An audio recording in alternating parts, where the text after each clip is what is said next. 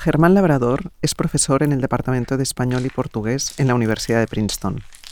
Publicó libros como Letras arrebatadas, Poesía y Química en la Transición Española y Culpables por la Literatura, donde analiza el rol que artistas y movimientos heterogéneos de resistencia cultural han tenido en la historia de la península ibérica. De las revueltas de 1854 a la actualidad, Labrador enhebra una miríada de documentos olvidados, incluyendo grafitis, canciones y poemas, y los carga de sentido para multiplicar el alcance estético y político de la contracultura. De esta forma, Labrador reconstruye otras constelaciones de escucha y abre una conversación colectiva con autores que supieron imaginar formas democráticas más radicales, aún pendientes de construcción. En este podcast, Germán Labrador habla sobre gastropolítica y nueva cocina, sobre canibalismo y lucha de clases, sobre land art, piedra y subalternidad, sobre mareas, poemas, fosas y fetiches, sobre el desequilibrio como fundamento de todo orden, y sobre cómo las barricadas y la literatura, siendo parte de un mismo proceso, logran pensarse entre sí.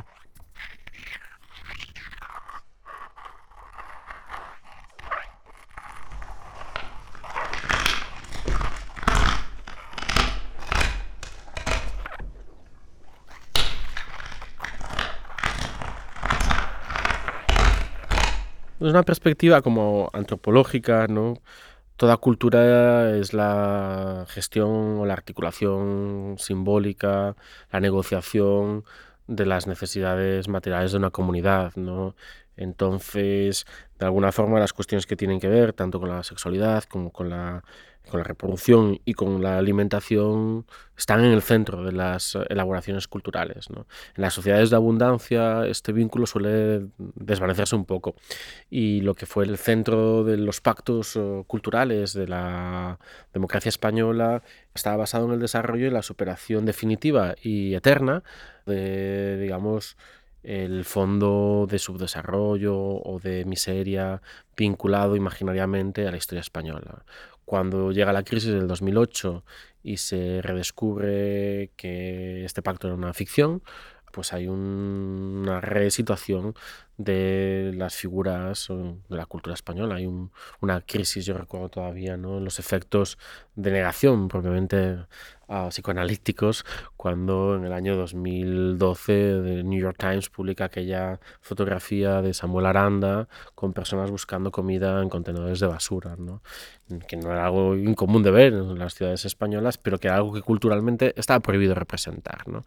porque dentro de los pactos culturales de la democracia española es que en España no se pasa hambre, ¿no? esa idea de que eh, se había construido un espacio político que había, digamos, superado las carencias alimenticias y por lo tanto la cultura ya podía ser el lugar de la elaboración del espíritu. ¿no? Eh, sin embargo, pues la crisis eh, ha replantado las necesidades y ha vuelto a poner los cuerpos con su insistencia en comer tres veces todos los días en el centro de la escena cultural y ha habido toda una necesidad de volver a pensar esto, ¿no? que es el hambre, que es la necesidad, que es eh, una vida digna, que necesitan los cuerpos para poder sobrevivir, que significa cuidar. Todo este tipo de preguntas que no formaban parte en ningún sentido de las conversaciones eh, públicas antes del año 2011-2012, lo que no quiere decir que no se estuvieran dando situaciones de necesidad, simplemente que eran invisibilizadas sistemáticamente y que había un acuerdo cultural de que eso no existía. ¿no?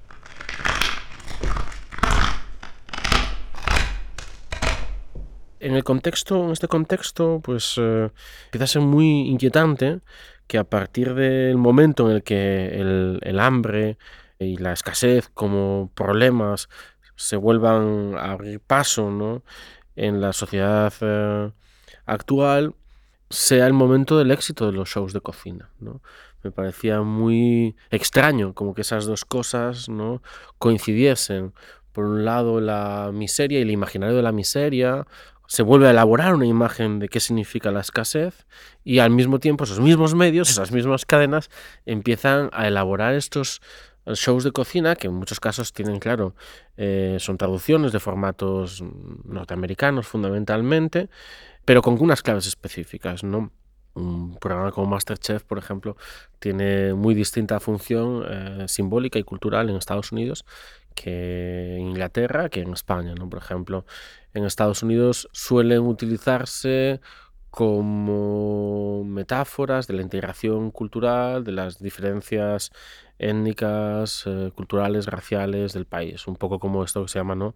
La olla social norteamericana, en el cual eh, aprender a cocinar un día mexicano, otro día asiático, sería una manera de alguna forma de mostrar eh, una idea de ciudadanía tolerante, inclusiva, que sería un poco la propia de los años de Obama. ¿no? Entonces, los reality shows servirían para articular las ansiedades vinculadas a la diversidad cultural propias de la sociedad norteamericana.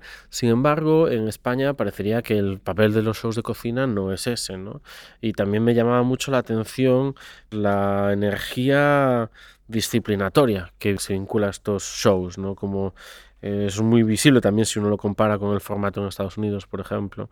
La violencia simbólica y discursiva de quién hace bien qué, quién hace mal qué, ¿no? el culto al sacrificio, la autoridad de los chefs, ¿no? también era muy llamativa, ¿no? como toda una serie de elementos eh, narrativos que parecen tener que ver con la cocina, pero que en realidad nos están hablando de otra cosa, nos están hablando de cómo funciona, debe funcionar el espacio laboral en un contexto de crisis, nos están hablando de la necesidad de disciplinar a una sociedad como manera de salir de la crisis. Es un poco la, retórica de los sacrificios, de los ajustes, que se vincula un poco a la lectura neoliberal de la crisis. Y en el centro de todo la fantasía de la nueva cocina. ¿no?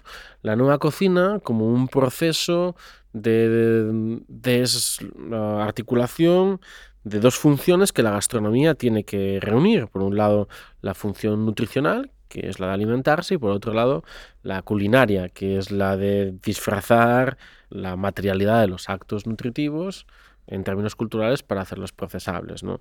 Tanto en la transformación de materias en alimentos, cocina de la carne para poder hacer procesable la, ingesta de sangre, por ejemplo, o la sublimación de alimentos pobres pues a través de elaboraciones sofisticadas como la paella o la tortilla, que de alguna manera pues todas las grandes construcciones culinarias vienen de la escasez y son implementaciones, son sofisticaciones, no son victorias sobre la escasez en cambio, la, nueva cocina disgrega totalmente la materialidad de los alimentos de su forma estética. Las tradiciones culinarias tienen que encontrar un equilibrio entre esos dos niveles, el nivel material y el nivel cultural de lo gastronómico. En cambio, la nueva cocina apuesta por la total separación. La nueva cocina sería algo así como que no hay ninguna conexión entre lo que te vas a comer y lo que te va a alimentar. ¿no?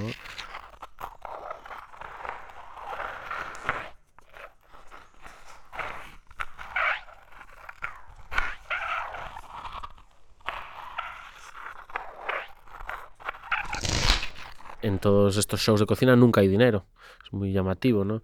Incluso en aquellos que tienen que ver de cómo se rescatan restaurantes, no aparece el dinero, ¿no? Como aparece gente que te reforma tu restaurante, te cambia los muebles, te hace un menú, están trabajando equipos de 20, 30 personas para ti y no aparece el dinero. O sea, es un rescate encubierto, ¿no? Eh, pero, digamos, las condiciones del rescate nunca se visualizan. Y en este sentido, por ejemplo, en el, en el equivalente de estos shows en Inglaterra, todo va sobre el dinero. O sea, el dinero es la, el vector clave que hace ganar a un, concursante o no, que hace un plato ser interesante o no. O sea, es más bien es al contrario, es una especie como de economía doméstica para las masas a través del talent show. En el caso español esto se invisibiliza. La fantasía es la libre disposición de los alimentos, lo cual pues es una fantasía compensatoria, es el sueño de Gargantúa, ¿no? En una sociedad de la escasez y donde el hambre vuelve a ser una, una amenaza. ¿no? Entonces me interesa pensar estas, esta continuidad o discontinuidad entre las fantasías televisivas vinculadas al, reino de lo corporativo, de lo publicitario, del capital, eh, con las eh, formas, digamos, de escasez propias de la sociedad y ver cómo las fantasías son también tecnologías de disciplinamiento y ese es un poco el desafío, tratar de entender con pues, categorías de análisis propias de los estudios culturales, pues cosas que están pasando delante de, de tus ojos.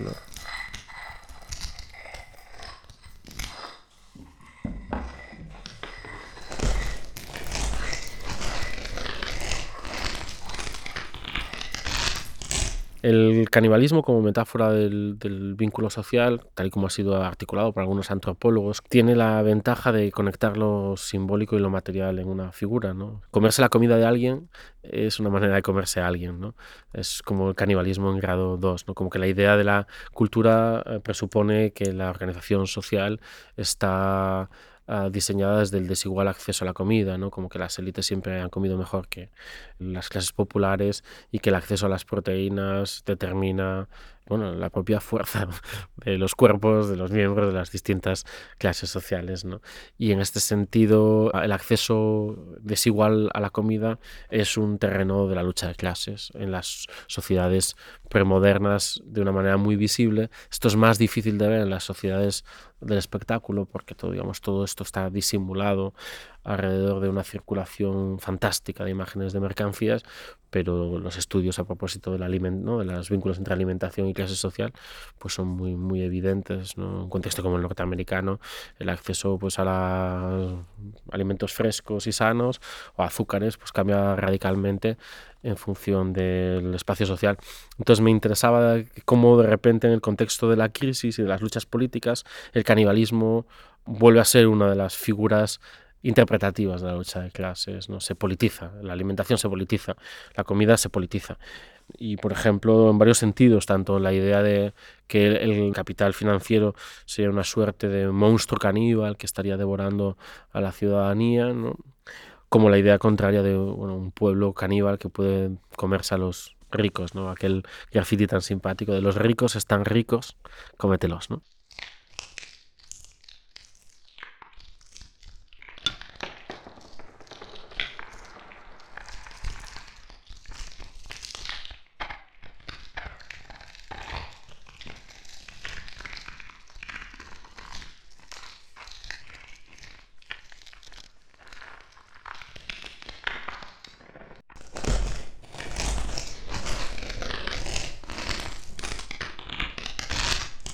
Pues recurrir a, metáforas o sistemas de lectura metafóricos, pues eh, te da un, lugar de análisis. O sea, no, es una impostación ni es una estetización de, digamos, de procesos que están sucediendo, sino un intento de construir de rastrear otras líneas de sentido que también se están dando en la elaboración simbólica de lo que pasa. Por ejemplo, en este caso no tanto como no, no solo atender, digamos, al, al nivel de las ficciones televisivas, sino pues más bien a esa materia también desde abajo, que puede ser las figuras de las protestas políticas, los graffiti y otras intervenciones más de carácter efímero, ¿no? que ahora se han disuelto un poco, pero en el contexto del año 2012, 2013, 2014 eran muy visibles en las ciudades. ¿no? Ahora yo tengo la sensación de que ha habido una especie de adormecimiento.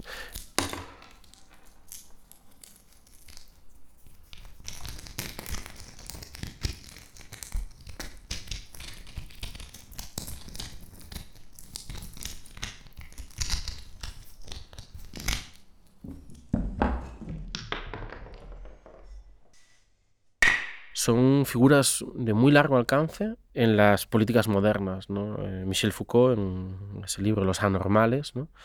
empieza hablando en su primer capítulo de la lucha entre el vampiro y el pueblo caníbal, como dos figuras vinculadas al imaginario posterior a la Revolución Francesa. La figuración de Drácula como ¿no? el, el aristócrata, o sea, la vieja aristocracia que está muerta, pero todavía tiene la capacidad de seguir chupando la vida ¿no? de, las clases populares, pero también la, idea de, la literatura antijacobina, uh, el terror del terror, ¿no? de, de la época uh, de hegemonía jacobina durante la revolución uh, y del triunfo de la guillotina, la idea de que las masas populares, Sans-Culotte con el gorro frigio, eran realmente masas caníbales, que lo que querían era devorar a los miembros sanos de la sociedad. Y esta figuración, que luego va a, atravesar todo el siglo XIX, XX y hasta el XXI, ¿no? está un poco todavía entre, entre nosotras, ¿no? como figura va a ir reapareciendo constantemente. ¿no? La presentación del pueblo como un monstruo, como un monstruo de muchas cabezas, ¿no? eh, la idea de que los fenómenos populares son siempre híbridos, que esto es una cosa que quizás conviene resaltar, ¿no? Muchas veces cuando pensamos en lo pueblo, suele, ah, si, lo hacemos desde una eh, identificación pues, eh, nacional, siempre se piensa como una unidad, ¿no? Pero en realidad cuando se hace desde los, las luchas políticas eh, lo pueblo siempre representado como una heterogeneidad amenazante, ¿no? como que lo pueblo cuando emerge no emerge como una sola cosa, sino como una suma de cabezas monstruosas, ¿no? como algo que no puede tener figura, que no debe tener figura, ¿no? Eh, y esas, esa misma bueno, idea, ¿no? la construcción que el franquismo hace del mundo popular republicano como una conspiración no de hordas marxistas judeo-masónicas, ¿no? como todas estas distintas cabezas que en principio serían como incompatibles entre sí. Y en la transición vuelve a suceder lo mismo, ¿no? hay muchas imágenes en la contracultura que se regodean en la idea de este pueblo monstruoso, a veces zombies, a veces vampiros, también caníbales, pueblo mutante, en donde pues aparecen distintas formas de uh, disidencia, eh, moral, política, de género, figuras como los licántropos, como la propia idea del cuerpo yonki como un cuerpo amenazante en el espacio público. Entonces, un poco esta especie de multitud monstruosa y amenazante es la imagen, digamos, negativo de la emergencia de la ciudadanía en el espacio público en distintos en distintos momentos. La metáfora del mar, por ejemplo, también es una metáfora que reencontramos en el, en el siglo XIX, pero ahí al contrario, digamos, la, la revolución cuando es narrada, la revuelta cuando es narrada por sus poetas, por aquellos que participan de ella, se harán esos términos, ¿no? en, la, en, la, en la hermosura de, de, los cuerpos en revuelta, liberados, moviéndose con una inteligencia colectiva que no tiene un centro, ¿no? ni un fin, que no se sabe cómo puede ser mirada. ¿no? esta, esta idea de cómo mirar a, a la ciudadanía en revuelta, ¿no? Desde dónde, cómo pintarla, cómo representarla, son problemas estéticos y políticos centrales a la, a la, a la política moderna desde, desde, eso, desde la Revolución Francesa, sino desde antes. ¿no?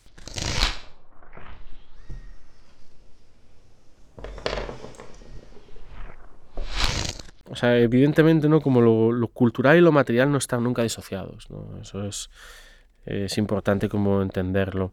Pero es cierto que muchas veces, ¿no? En el debate político, pues maneras de entender lo político más vinculadas, pues a tradiciones del marxismo científico, del marxismo autoritario, pues eh, están muy convencidas de saber lo que son las cosas, ¿no? de saber lo que es la sociedad, de cómo es, de qué partes tiene, de saber lo que la sociedad quiere, ¿no? de saber lo que los demás quieren, saber lo que los demás necesitan. Entonces, frente a este planteamiento bueno, unas veces voluntarista y otras veces mesiánico, donde las cosas nunca son lo que tienen que ser, donde a las cosas y particularmente pues a las formas de expresión política se les tiene que pedir siempre ser otra cosa de aquello que manifiestan ser. Frente a esa idea, pues las aproximaciones, uh, digamos, culturalistas a, a todo el, bueno, el, ciclo de emergencias políticas del 2011 insistían en la importancia de lo simbólico ¿no? y en la importancia de la ficción, en la importancia de las autoficciones también, digamos, de, en el derecho digamos, de las personas y de las comunidades a definirse en sus propios términos, a no ser definidas desde fuera. ¿no? Digamos, la crítica que también se le pueda hacer a estas otras miradas, en las que yo siempre pues, también me he sentido cercano, es que muchas veces, claro, um, como la materialidad de las cosas se inscribe en los cuerpos también, ¿no? Como que el hecho de que no podamos a pensar que pues eh, no hay acceso a la realidad sin el lenguaje o que toda forma de realidad es susceptible de ser eh, expresada en términos de narrativa, que el sujeto es una ficción, sí, sí, pero es una ficción uh, que se inscribe en el cuerpo, es una ficción somática, ¿no? Es algo que pasa, digamos, por la materialidad eh, y las limitaciones y las potencialidades de las limitaciones que los cuerpos y las comunidades de cuerpos eh, conllevan entre sí. Entonces, no disociarlas, no disociar las, las ficciones y las autoficciones, digamos, de, de, lo que los cuerpos pueden y para lo que los cuerpos son, son impelidos, ¿no?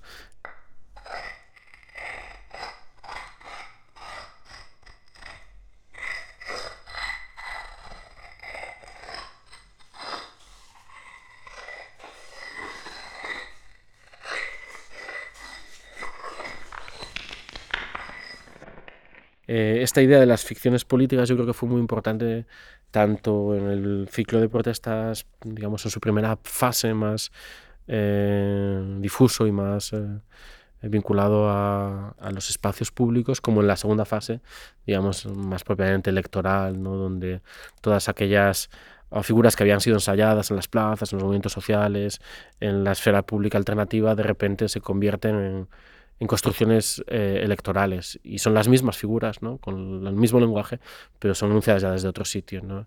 Entonces como que se puede describir parte de ese proceso como un proceso de progresiva abstracción ¿no? de ficciones eh, colectivas entendidas en este sentido, de construcciones consensuadas, eh, identidades sociales colectivas, hacia sus fetiches electorales. ¿no? Y parte, digamos, de, de las limitaciones de esto que se ha venido a llamar nueva política, tienen que ver con, yo desde mi perspectiva, con esta abstracción, con el momento en la que se perciben lo que antes eran construcciones compartidas, colectivizadas, como ah, fetiches electorales, en los cuales ya es más difícil identificarse, es más difícil operar con, con ellos. ¿no? Ha habido un proceso de, de extractivismo muy fuerte de, las uh, uh, figuras uh, culturales colectivas y de alguna manera, pues yo creo como que es importante señalar, cómo explicar este proceso. Porque típicamente los procesos de producción cultural populares, de base, eh, no suelen generar documentación de sí mismos. Están más eh, preocupados por el trabajo que están haciendo que por monumentalizarlo. Entonces es muy importante como rastrear estos orígenes porque si no luego eh, se establece la tentación de pensar que nunca se dieron. A mí me preocupa pues el borrado en las contraculturas de los años 70, eh, nos puede dar muchas pistas sobre los problemas de memoria que se pueden generar pues a partir de experiencias colectivas como el 15M o las mareas o todo digamos los ciclos más populares y horizontales de creación de política en común.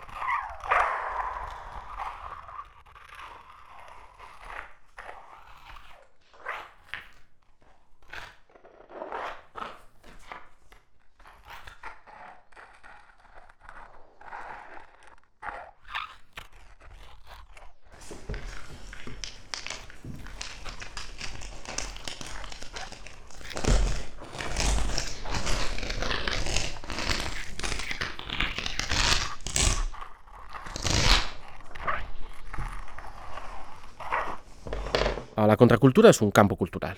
Es un sistema de prácticas de muchos tipos, de muy diverso tipo, que permiten pues, comprender juntas desde formas de protesta laboral hasta graffiti, desde religiosidades alternativas hasta planteamientos eh, ecológicos o recuperaciones de tradiciones eh, populares. ¿no?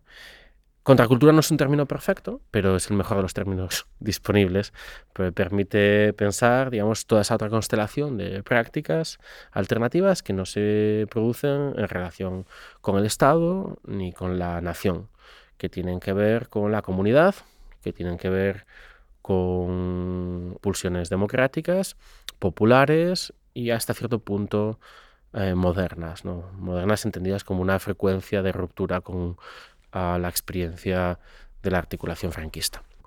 Claro, contracultural luego al mismo tiempo es una Valencia muy cargada, vinculada a los movimientos globales del largo 68, 68 político francés-europeo, el 68 ah, místico, metafísico, espiritual, uh, hippie californiano, ¿no? que en el fondo luego no están tan separados ¿no? cuando uno los estudia. Y ahí también toda la agenda, claro, de derechos civiles, y todos los nuevos movimientos, las nuevas, digamos, las nuevas izquierdas de los uh, años 60 y 70. ¿no?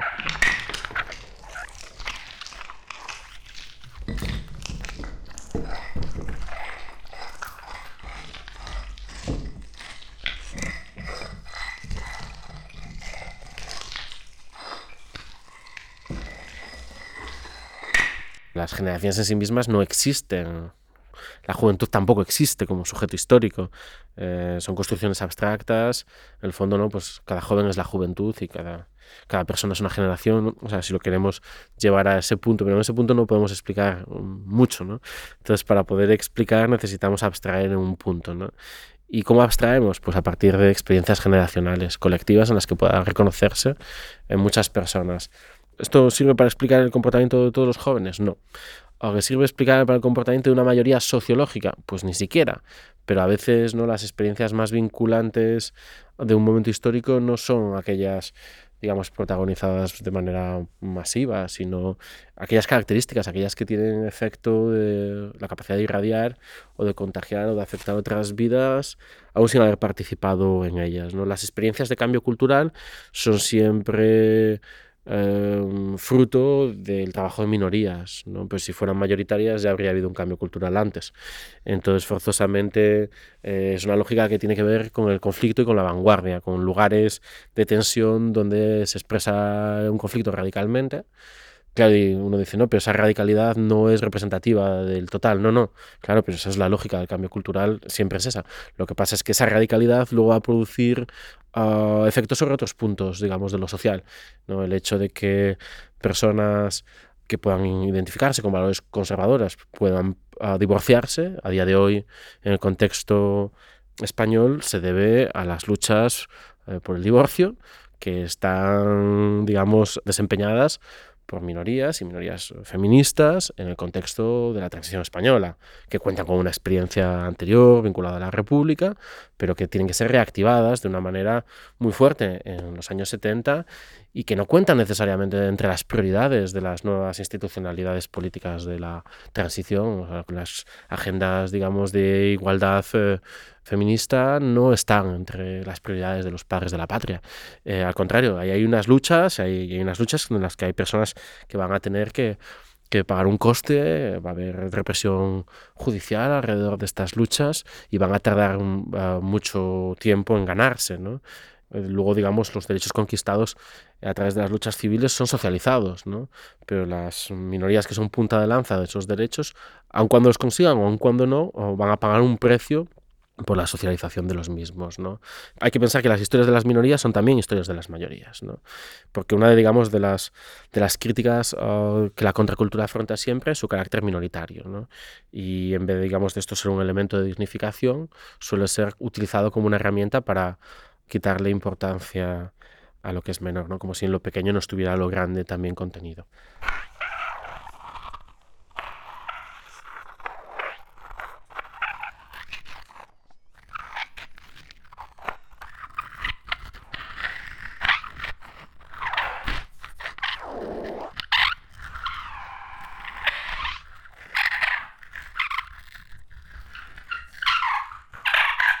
Esta es una de las, de las ah, ideas comunes, de los falsos conceptos asociados a la evaluación de la contracultura, pero también digamos, tengo que, ocuparme de contradecir otros, como es el de el carácter ah, interclasista de la contracultura, normalmente genera bastantes posiciones poco afables. O sea, la idea de que no es suficientemente obrera o no es suficientemente popular o que es algo más bien propio como de, pijos, ¿no? O sea, ese carácter bastardo en lo social de la contracultura que nunca expresa correctamente la ideología supuestamente adecuada para una determinada clase. Entonces, la capacidad de la contracultura de, de habitar ideológicamente mundos no dados eh, es una de las críticas que se le suele hacer, digamos, desde posiciones progresistas. Otro de los elementos críticos que mi trabajo intenta responder es eh, la incapacidad de la contracultura de producir eh, hegemonía, ¿no? en su momento después, ¿no? digamos, el hecho de que la cultura de la transición haya borrado el mundo del que procede, en muchos casos, a asociando sus símbolos, extrayéndolo en la misma medida que la movida como fenómeno cultural de los 80, en, cierto sentido, pues es la institucionalización y la comercialización de las rupturas estéticas de los años anteriores. Estas operaciones ah, son utilizadas como supuesta demostración de la incapacidad de la contracultura de articular un mundo, ¿no? como si el hecho de que un mundo desaparezca fuese una prueba de su inexistencia. Y por último, digamos, el otro elemento también, digamos, que se suele achacar a la contracultura tiene que ver con su supuesto trabajo en favor del neoliberalismo, como si la contracultura hubiera sido algo así como una especie de mm, palanca de cambios con la cual el capital hubiera sido capaz de transformar una sociedad inmóvil en una sociedad abierta pues, al consumo abierta a formas de individualidad y de hedonismo propias de lo neoliberal. ¿no? Como si el consumo y el autoritarismo no pudieran convivir en un mismo mundo, como si no hubiese un montón de ejemplos de sociedades cerradas neoliberales. ¿no?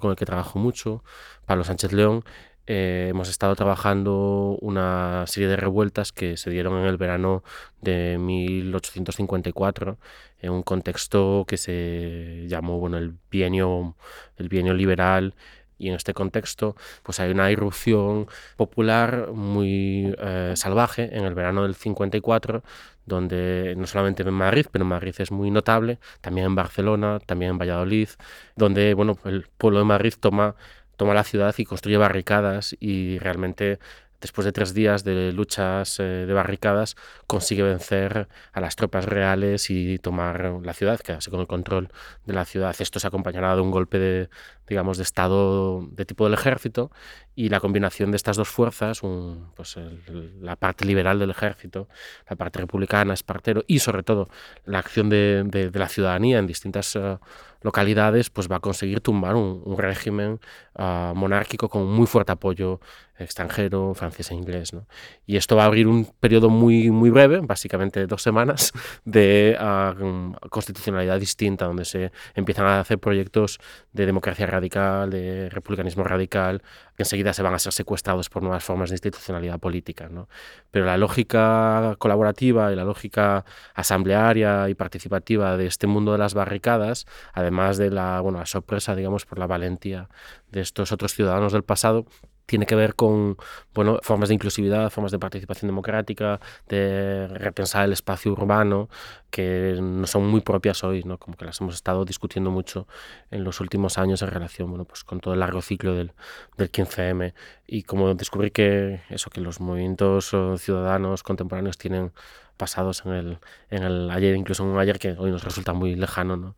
pues es eh, reconfortante. Hay una parte, digamos, del, del, diálogo con el pasado que es especulativo. El diálogo con el pasado no es distinto que la conversación con, con alguien en el presente, con la diferencia de que el pasado no habla con voz humana, ¿no?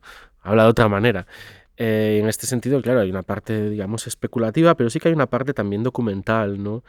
Eh, el siglo XIX se puede pensar como, como, un largo siglo de protesta, no solo en el contexto ibérico español, sino también un contexto europeo. ¿no? La revolución eh, del 54 tiene un precedente que son los intentos del 48, donde también hay protestas y barricadas, y antes en el 43 y antes en el 37, y seguimos así, realmente tenemos ciclos donde hay motines y protestas, pues eso, cada 5 o 10 años. ¿no? Y en el contexto europeo, las revoluciones de 1848 son las más importantes, y el pensamiento de Marx y Engels, por ejemplo, tiene mucho que ver con, el, con la experiencia de estas revoluciones y el fracaso, digamos, de los sectores socialistas y proletarios en, esta línea de choque. Básicamente, una manera de entender este contexto es que las promesas de la Ilustración francesa y sus lenguajes, eh, que habían de alguna manera movilizado a una, burguesía triunfante en los procesos revolucionarios de finales del siglo XIX y capaz de pactar en el,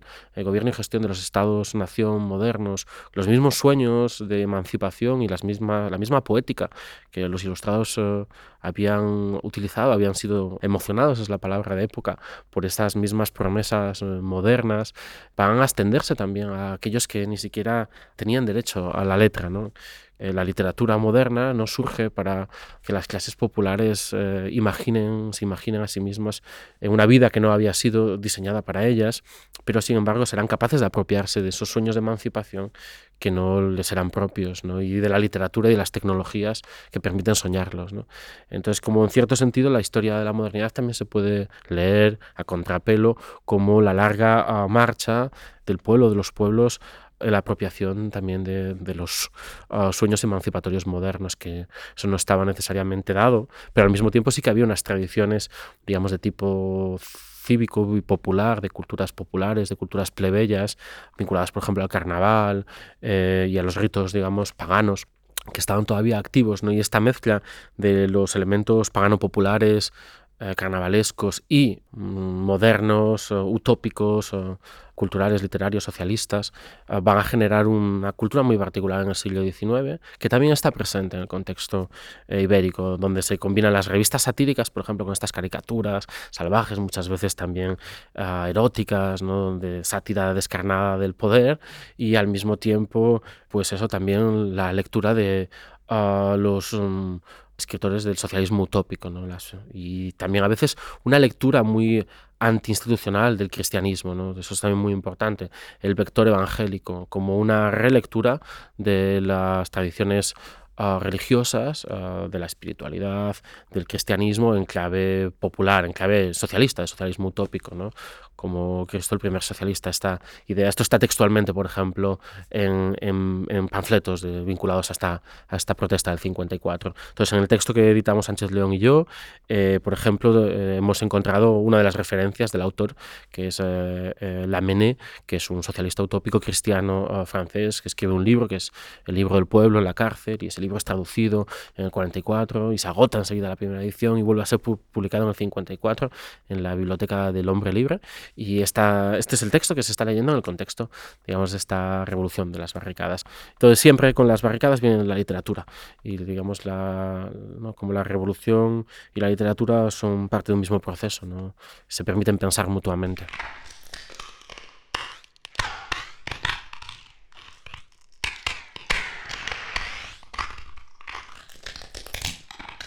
Yo he trabajado un poco las formas de resistencia cultural a la hegemonía franquista, la hegemonía política franquista y la gestión de la, de la memoria de la guerra civil, desde bueno, esto que hemos dado en llamar memoria histórica o recuperación de la memoria histórica, la idea de que incluso bajo el franquismo, o incluso en los peores eh, años del franquismo, hubo poetas, artistas, ciudadanos como que trataron de seguir ah, articulando públicamente una memoria del genocidio franquista en clave, evidentemente, de afinidad republicana, criptorepublicana o simplemente humanitarista. ¿no? En todo caso, desde fuera de las categorías ah, de la victoria, desde fuera de la, de la justificación del franquismo, de la violencia ah, fundacional o de su silenciamiento, en una época en la cual simplemente el culto a los muertos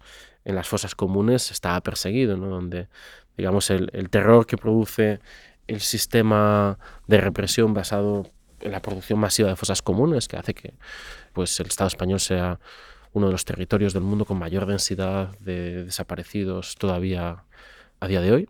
Y este, digamos, contexto donde se funda eh, un nuevo régimen político, eh, un nuevo régimen de propiedad a partir, digamos, de lo que es un genocidio.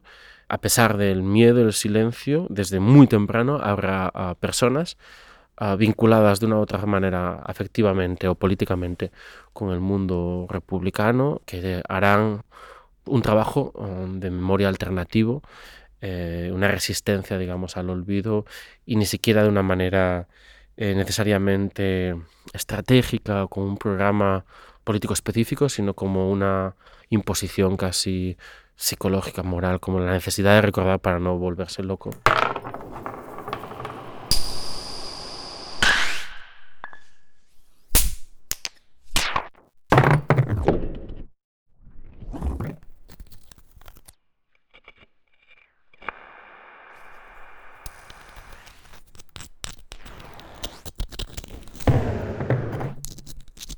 Este contexto a mí me ha interesado mucho, por ejemplo, la obra de un poeta de Torrelavega, en Cantabria, que se llama José Luis Hidalgo, ah, que escribió un libro que se llama Los Muertos, que es una colección de fosas comunes, ah, donde los muertos no descansan y los muertos, al contrario, lo que reclaman es justicia frente a un dios que es el dios de los fascistas, es el dios azul, y contra el que el poeta de alguna manera va a estar interpelando, siempre lanzando los muertos a la, a la cara. ¿no? Este libro es un libro que se publica en el año 47, en plena dictadura, pero lo que ha habido es un proceso de encriptamiento de este lenguaje republicano dentro del ah, relato ah, católico. Eh, lo que ha hecho que los historiadores de la literatura, no siempre muy sensibles a lo que puedan ser historias ah, ciudadanas o historias incómodas para el Estado, hayan mal leído a este poeta como representante de una poesía religiosa, ¿no? cuando es, bueno, evidentemente es muy sencillo hoy rastrear por distintos uh, mecanismos, digamos, el fondo político de, de, de, de, alguien que por otro lado había sido un poeta republicano. Y no está, no está solo, ¿no? hay toda una constelación de poetas que en algún trabajo pues, se llamado poetas de las fosas o el club de, o sea, como poetas de los muertos, que bajo el franquismo van a estar trabajando digamos, estas otras memorias alternativas, estas otras geografías de memorias alternativas. Y de alguna manera, pues me interesa seguir explorando distintas obras de artistas y de poetas, muchos casos además con, vinculados a comunidades rurales, con poco capital cultural, donde ya parte de la aventura no solamente es la aventura de la memoria, sino la aventura de la cultura, o sea, de dotarse de herramientas de representación que no habían sido, digamos, dadas o que no habían sido fabricadas para estas personas que solamente uh, se dan la tarea de recordar, sino que se dan también la tarea de aprender a producir un recuerdo en una forma estética que sea capaz de sobrevivir al tiempo. Encriptan una memoria y al mismo tiempo garantizan que su materialidad pueda preservarse.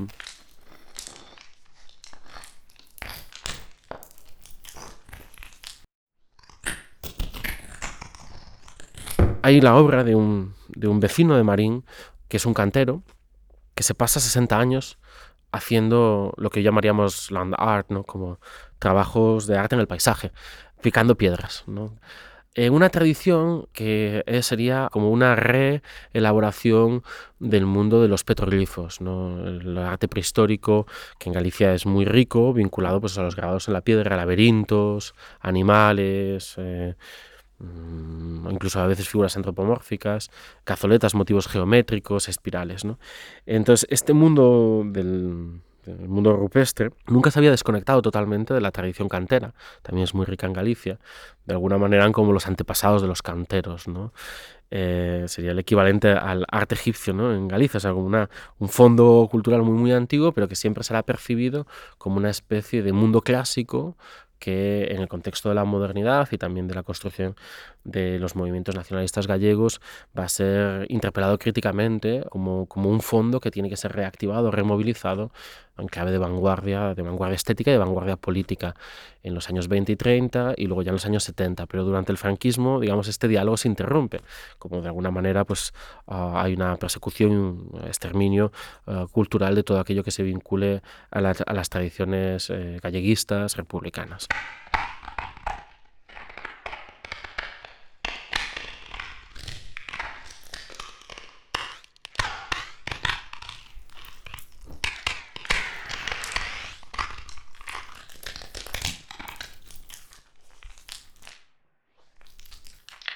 En este contexto, el trabajo de este hombre de Marín, Pepito Meijón, uh, de recuperación de la memoria y de las formas de la memoria, uh, va a suceder en total invisibilidad, porque a todos los efectos para sus vecinos esta persona está loca.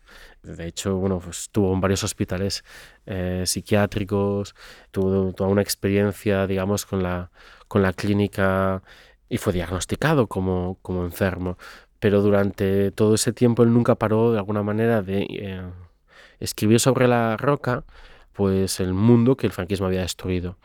Y en ello hay como una gran eh, énfasis por ejemplo en, señalar lugares que tienen que ver con la violencia genocida eh, escribir estos símbolos sobre la tapia del cementerio por ejemplo donde eran fusiladas personas y también escribir los, los nombres del mundo protestante al que él está por familia vinculado y que había sido también, claro, borrado y silenciado durante el franquismo. Entonces, de traer un poco toda esa, toda esa memoria. Pero por otro lado, también hay una gran confusión en el tipo de, lenguajes que él utiliza en, su obra, porque se mezclan de alguna manera el mundo republicano con el mundo eh, franquista. Entonces aparece de repente un viva socialismo y luego a continuación un viva Franco, un resto de un santo y a continuación unas esvásticas o un escudo falangista y a continuación eh, los escudos de los sindicalistas de la UGT. Entonces es un mundo que es, bueno, el mundo, digamos, uh, de, de, ese conflicto, de, esa, de, la guerra, que está todavía vivo, digamos, a, un nivel invisible y esta persona hace visible a través de este arte uh, de cantería. ¿no?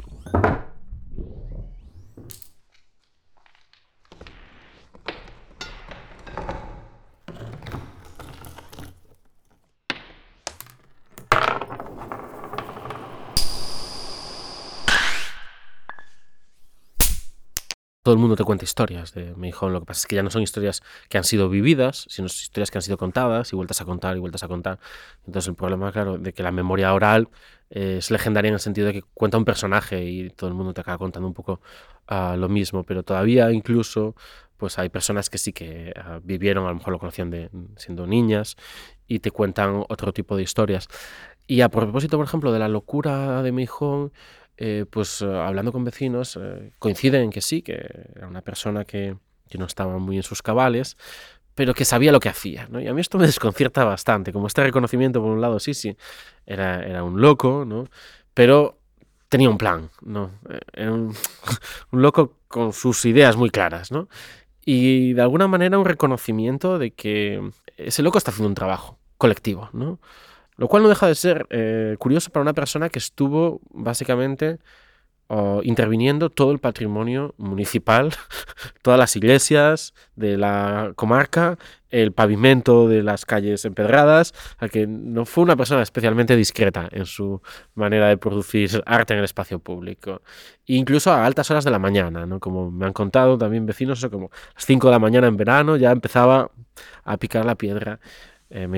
Entonces, es una comunidad que acoge esto, que acoge esto como parte de, ella misma y hay distintas maneras de pensar esto de alguna forma en una sociedad también traumatizada y todavía por un horror. Eh, de alguna forma el ruido de Meijón era un ruido tranquilizador, ¿no? La locura de Meijón permite a los demás como estar cuerdos, ¿no? De alguna manera, estas figuras lo que hacen es un poco acoger uh, malestares sociales y elaborarlos, y hacen un trabajo de elaboración colectiva de traumas, de duelos, de ansiedades pendientes, ¿no? Entonces, de alguna manera, permite externalizar eh, el malestar, ¿no?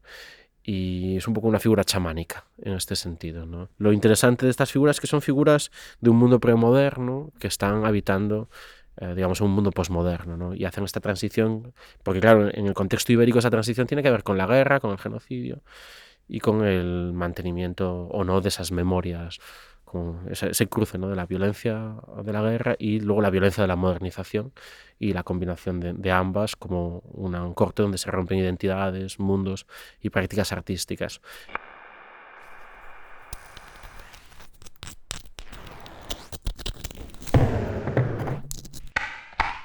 O sea, más que la operación de legitimar a, a Mijón como un artista de land art, es más bien pensar que en el fondo mucho de lo que llamamos uh, vanguardia uh, tienen detrás formas, prácticas culturales populares, ¿no? Como que más bien el, el land art no es la creación de un grupo de artistas ¿no? mediados del siglo XX, sino es la apropiación de unas formas de inscripción simbólico-comunitarias que están extendidas en muchos contextos, uh, desde unos lenguajes de, del arte contemporáneo y unas propuestas conceptuales que reconocemos como legítimas. ¿no? A mí me interesa, o sea, como me interesa tanto uh, pensar lo que hay de propuesta artística en Meijón como uh, lo que hay de Meijón en, en el land art, ¿no? Como no se trataría tanto de legitimarle a él, sino no deslegitimar, pero sí de cuestionar eh, la originalidad ex nihilo de las formas eh, estéticas de las vanguardias del siglo XX, también del land art. Me parece una provocación que permite, que permite resituar el mapa de lo que tiene prestigio artístico, de lo que tiene legitimidad museística y de lo que no. ¿no? Y, pero el problema que me interesa tratar de fondo es el de la subalternidad, ¿no? el arte producido por subalternos, eh, de alguna manera no, no puede ser museificado, ¿no? tiene una resistencia que es la resistencia de lo analfabeto, de lo popular, de lo pobre, de lo premoderno, ¿no? se queda un poco como condenado a arte indígena. ¿no? Entonces, eh, mejor sería un poco un indígena de la modernidad en términos de land art, ¿no? cuyas, digamos, eh, formas pueden ser apropiadas, pero desde otro lugar, nunca reconocidas como tales. Y a mí lo que me interesa sí es, digamos, reconocerlas como tales, en sus propios términos, antimodernos o de otra modernidad, ¿no? una modernidad, digamos, que permite un diálogo con el neolítico, en la medida en la que las herramientas de los canteros no han cambiado desde el neolítico hasta la época de Meijón. ¿no? Entonces, como el tiempo en el que vive uh, Meijón, o sea, es, es, un tiempo moderno, Meijón va a la guerra colonial, tiene que ir, es, uh, es una cobaya de la psiquiatría moderna, en este sentido es un sujeto modernizado a su pesar, pero el tiempo en el que él vive, él se resiste a vivir en esa temporalidad moderna y él habita una modernidad digamos que es continua del neolítico.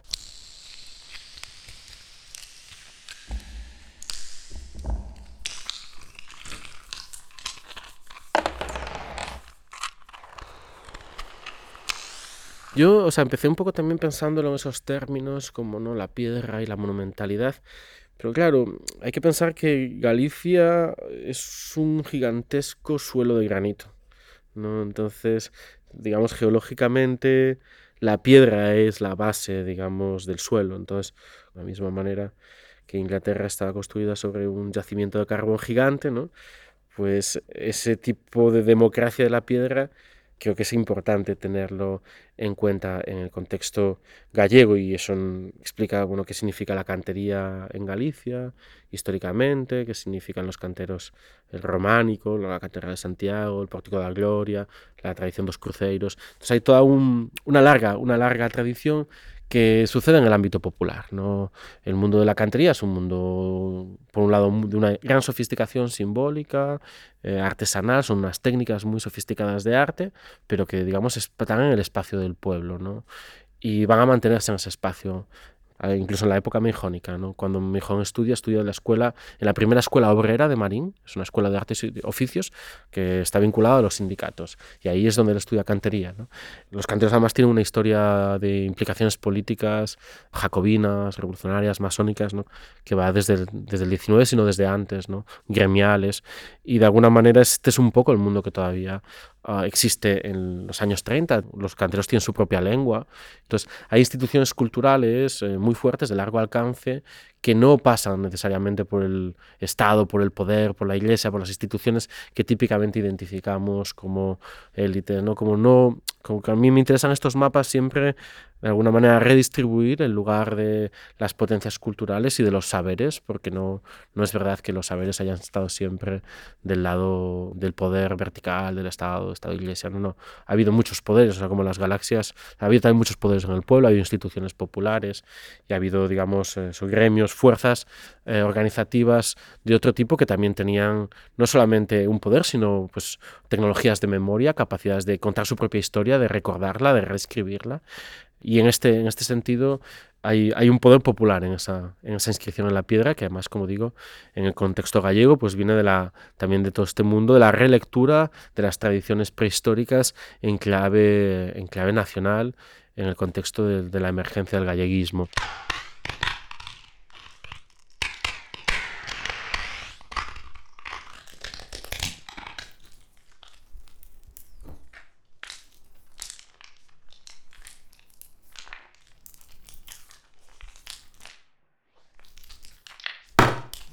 Sin embargo, el material del Estado en la historia de Meijón no es la piedra, es el papel.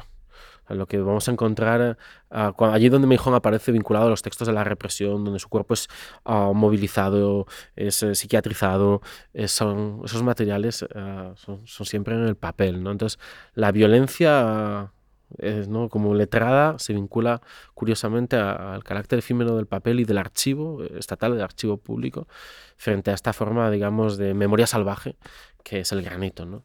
Entonces, como curiosamente ahí hay una, disociación de lo esperable o de lo que uno pensaría que es más... Eh, más lógico, ¿no? Como que quizás, ¿no? O sea, la fuerza de la piedra también hay una debilidad en, esa escritura analfabeta, en mitad del páramo, que puede ser destruida, que está recubierta de vegetación, que nadie puede leer porque nadie sabe leer, frente a la carácter aséptico, ¿no? De la inscripción de la ficha, ¿no? del libro, de otro tipo de registros más vinculados, bueno, a la administración del Estado y, su, y sus violencias.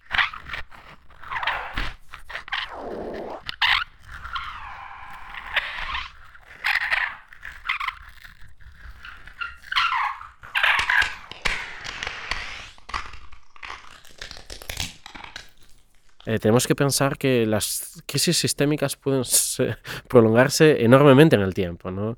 Y que incluso, ¿no? Em, como que toda forma de orden es una forma de crisis sistémica, ¿no? Todo orden, de alguna manera, institucionaliza un desequilibrio entre las fuerzas, ¿no?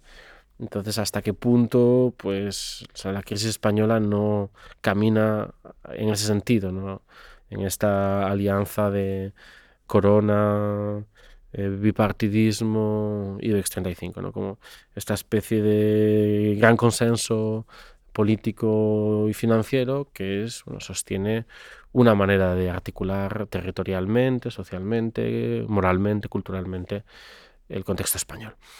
En este sentido, si nos vamos, pues eso, hacemos analogías anacrónicas, ¿no? el anacronismo es una manera de pensar que siempre puede ser productiva, con tal de que no naturalicemos la anacronía, pensemos que la anacronía es una palanca para pensar históricamente el presente. Eh, si vamos al contexto de la pues, crisis del 98, eh, pensemos que entre la crisis del sistema político, que era la restauración, hasta la aparición de una nueva experiencia política, como puede ser la Segunda República, pues pasan 32 años. Entonces podemos tomárnoslo con calma. Lo de la crisis del régimen del 78 quizás va para largo. ¿no? Y en todo caso, eh, ahí creo que la cuestión geopolítica eh, es clave, ¿no? en la medida en la que las coaliciones de fuerzas que tienen que ver con la OTAN, con el marco europeo y con el capital eh, occidental, pues se mantengan eh, funcionando en parámetros eh, determinantes y el estrecho de Gibraltar, o sea, siga siendo clave para la circulación de petróleo, pues probablemente el modelo de Estado que conocemos se va a mantener de una u otra forma. ¿no? Otra cosa es, claro, cuál, es el, cuál sería la posibilidad de la organización pues, social, cultural, también territorial del contexto ibérico eh, con, otras, con otras formas de fuerzas ¿no? a su alrededor y por otro lado, también la pregunta de en qué sentido el neoliberalismo va a producir a largo plazo un cambio de las formas de estatalidad, ¿no? Si el Estado-nación tiene o no tiene, qué recorrido tiene en el mundo neoliberal. Y esa es una pregunta difícil de, responder porque parece que, que, hay distintas posibilidades, ¿no? que pueda haber formas de estatalidad muy débiles, como a nivel, digamos, interno, como puede ser las de Estados Unidos, por ejemplo, y puede haberlas muy, muy fuertes, ¿no? Entonces, realmente yo me inclino a pensar la capacidad de eso, neoliberalismo de convivir con relaciones muy, muy distintas con, con, los viejos estados-nación, ¿no? Como creo que ahí hay un gran ámbito de creatividad posible. Y, y claro, o sea, al mismo tiempo, lo interesante también de, de la performance de la nacionalidad en el contexto actual es su carácter eminentemente simbólico y creo que una buena parte digamos de las discusiones que han tenido que ver con esto en el contexto del Estado español pues lo demuestran ¿no? como que la dimensión performativa que siempre la nación ha tenido pues se ha extremado como que parecería que hay una, una disociación entre las capacidades efectivas del Estado-Nación de regular su territorio, su economía, el orden público, y la importancia simbólica que adquieren las identidades eh, vinculadas a este proyecto eh, en el contexto actual. ¿no? Digamos, son emocionalidades eso, pues, eh, reducidas en su capacidad de crear vida y crear mundo, como por ahí se hacen pocas cosas. Y en cambio, pues eso que hay un, contexto también interesante como para volver a experimentar con formas más movimentísticas y, y los últimos meses yo creo que han dado, dado buenas señales, ¿no? desde la huelga feminista global, ¿no? a, bueno, a otras formas digamos, de cultura crítica que están como reflotando. Entonces, bueno, me parece que tenemos eh, crisis para rato y, y utopía para rato.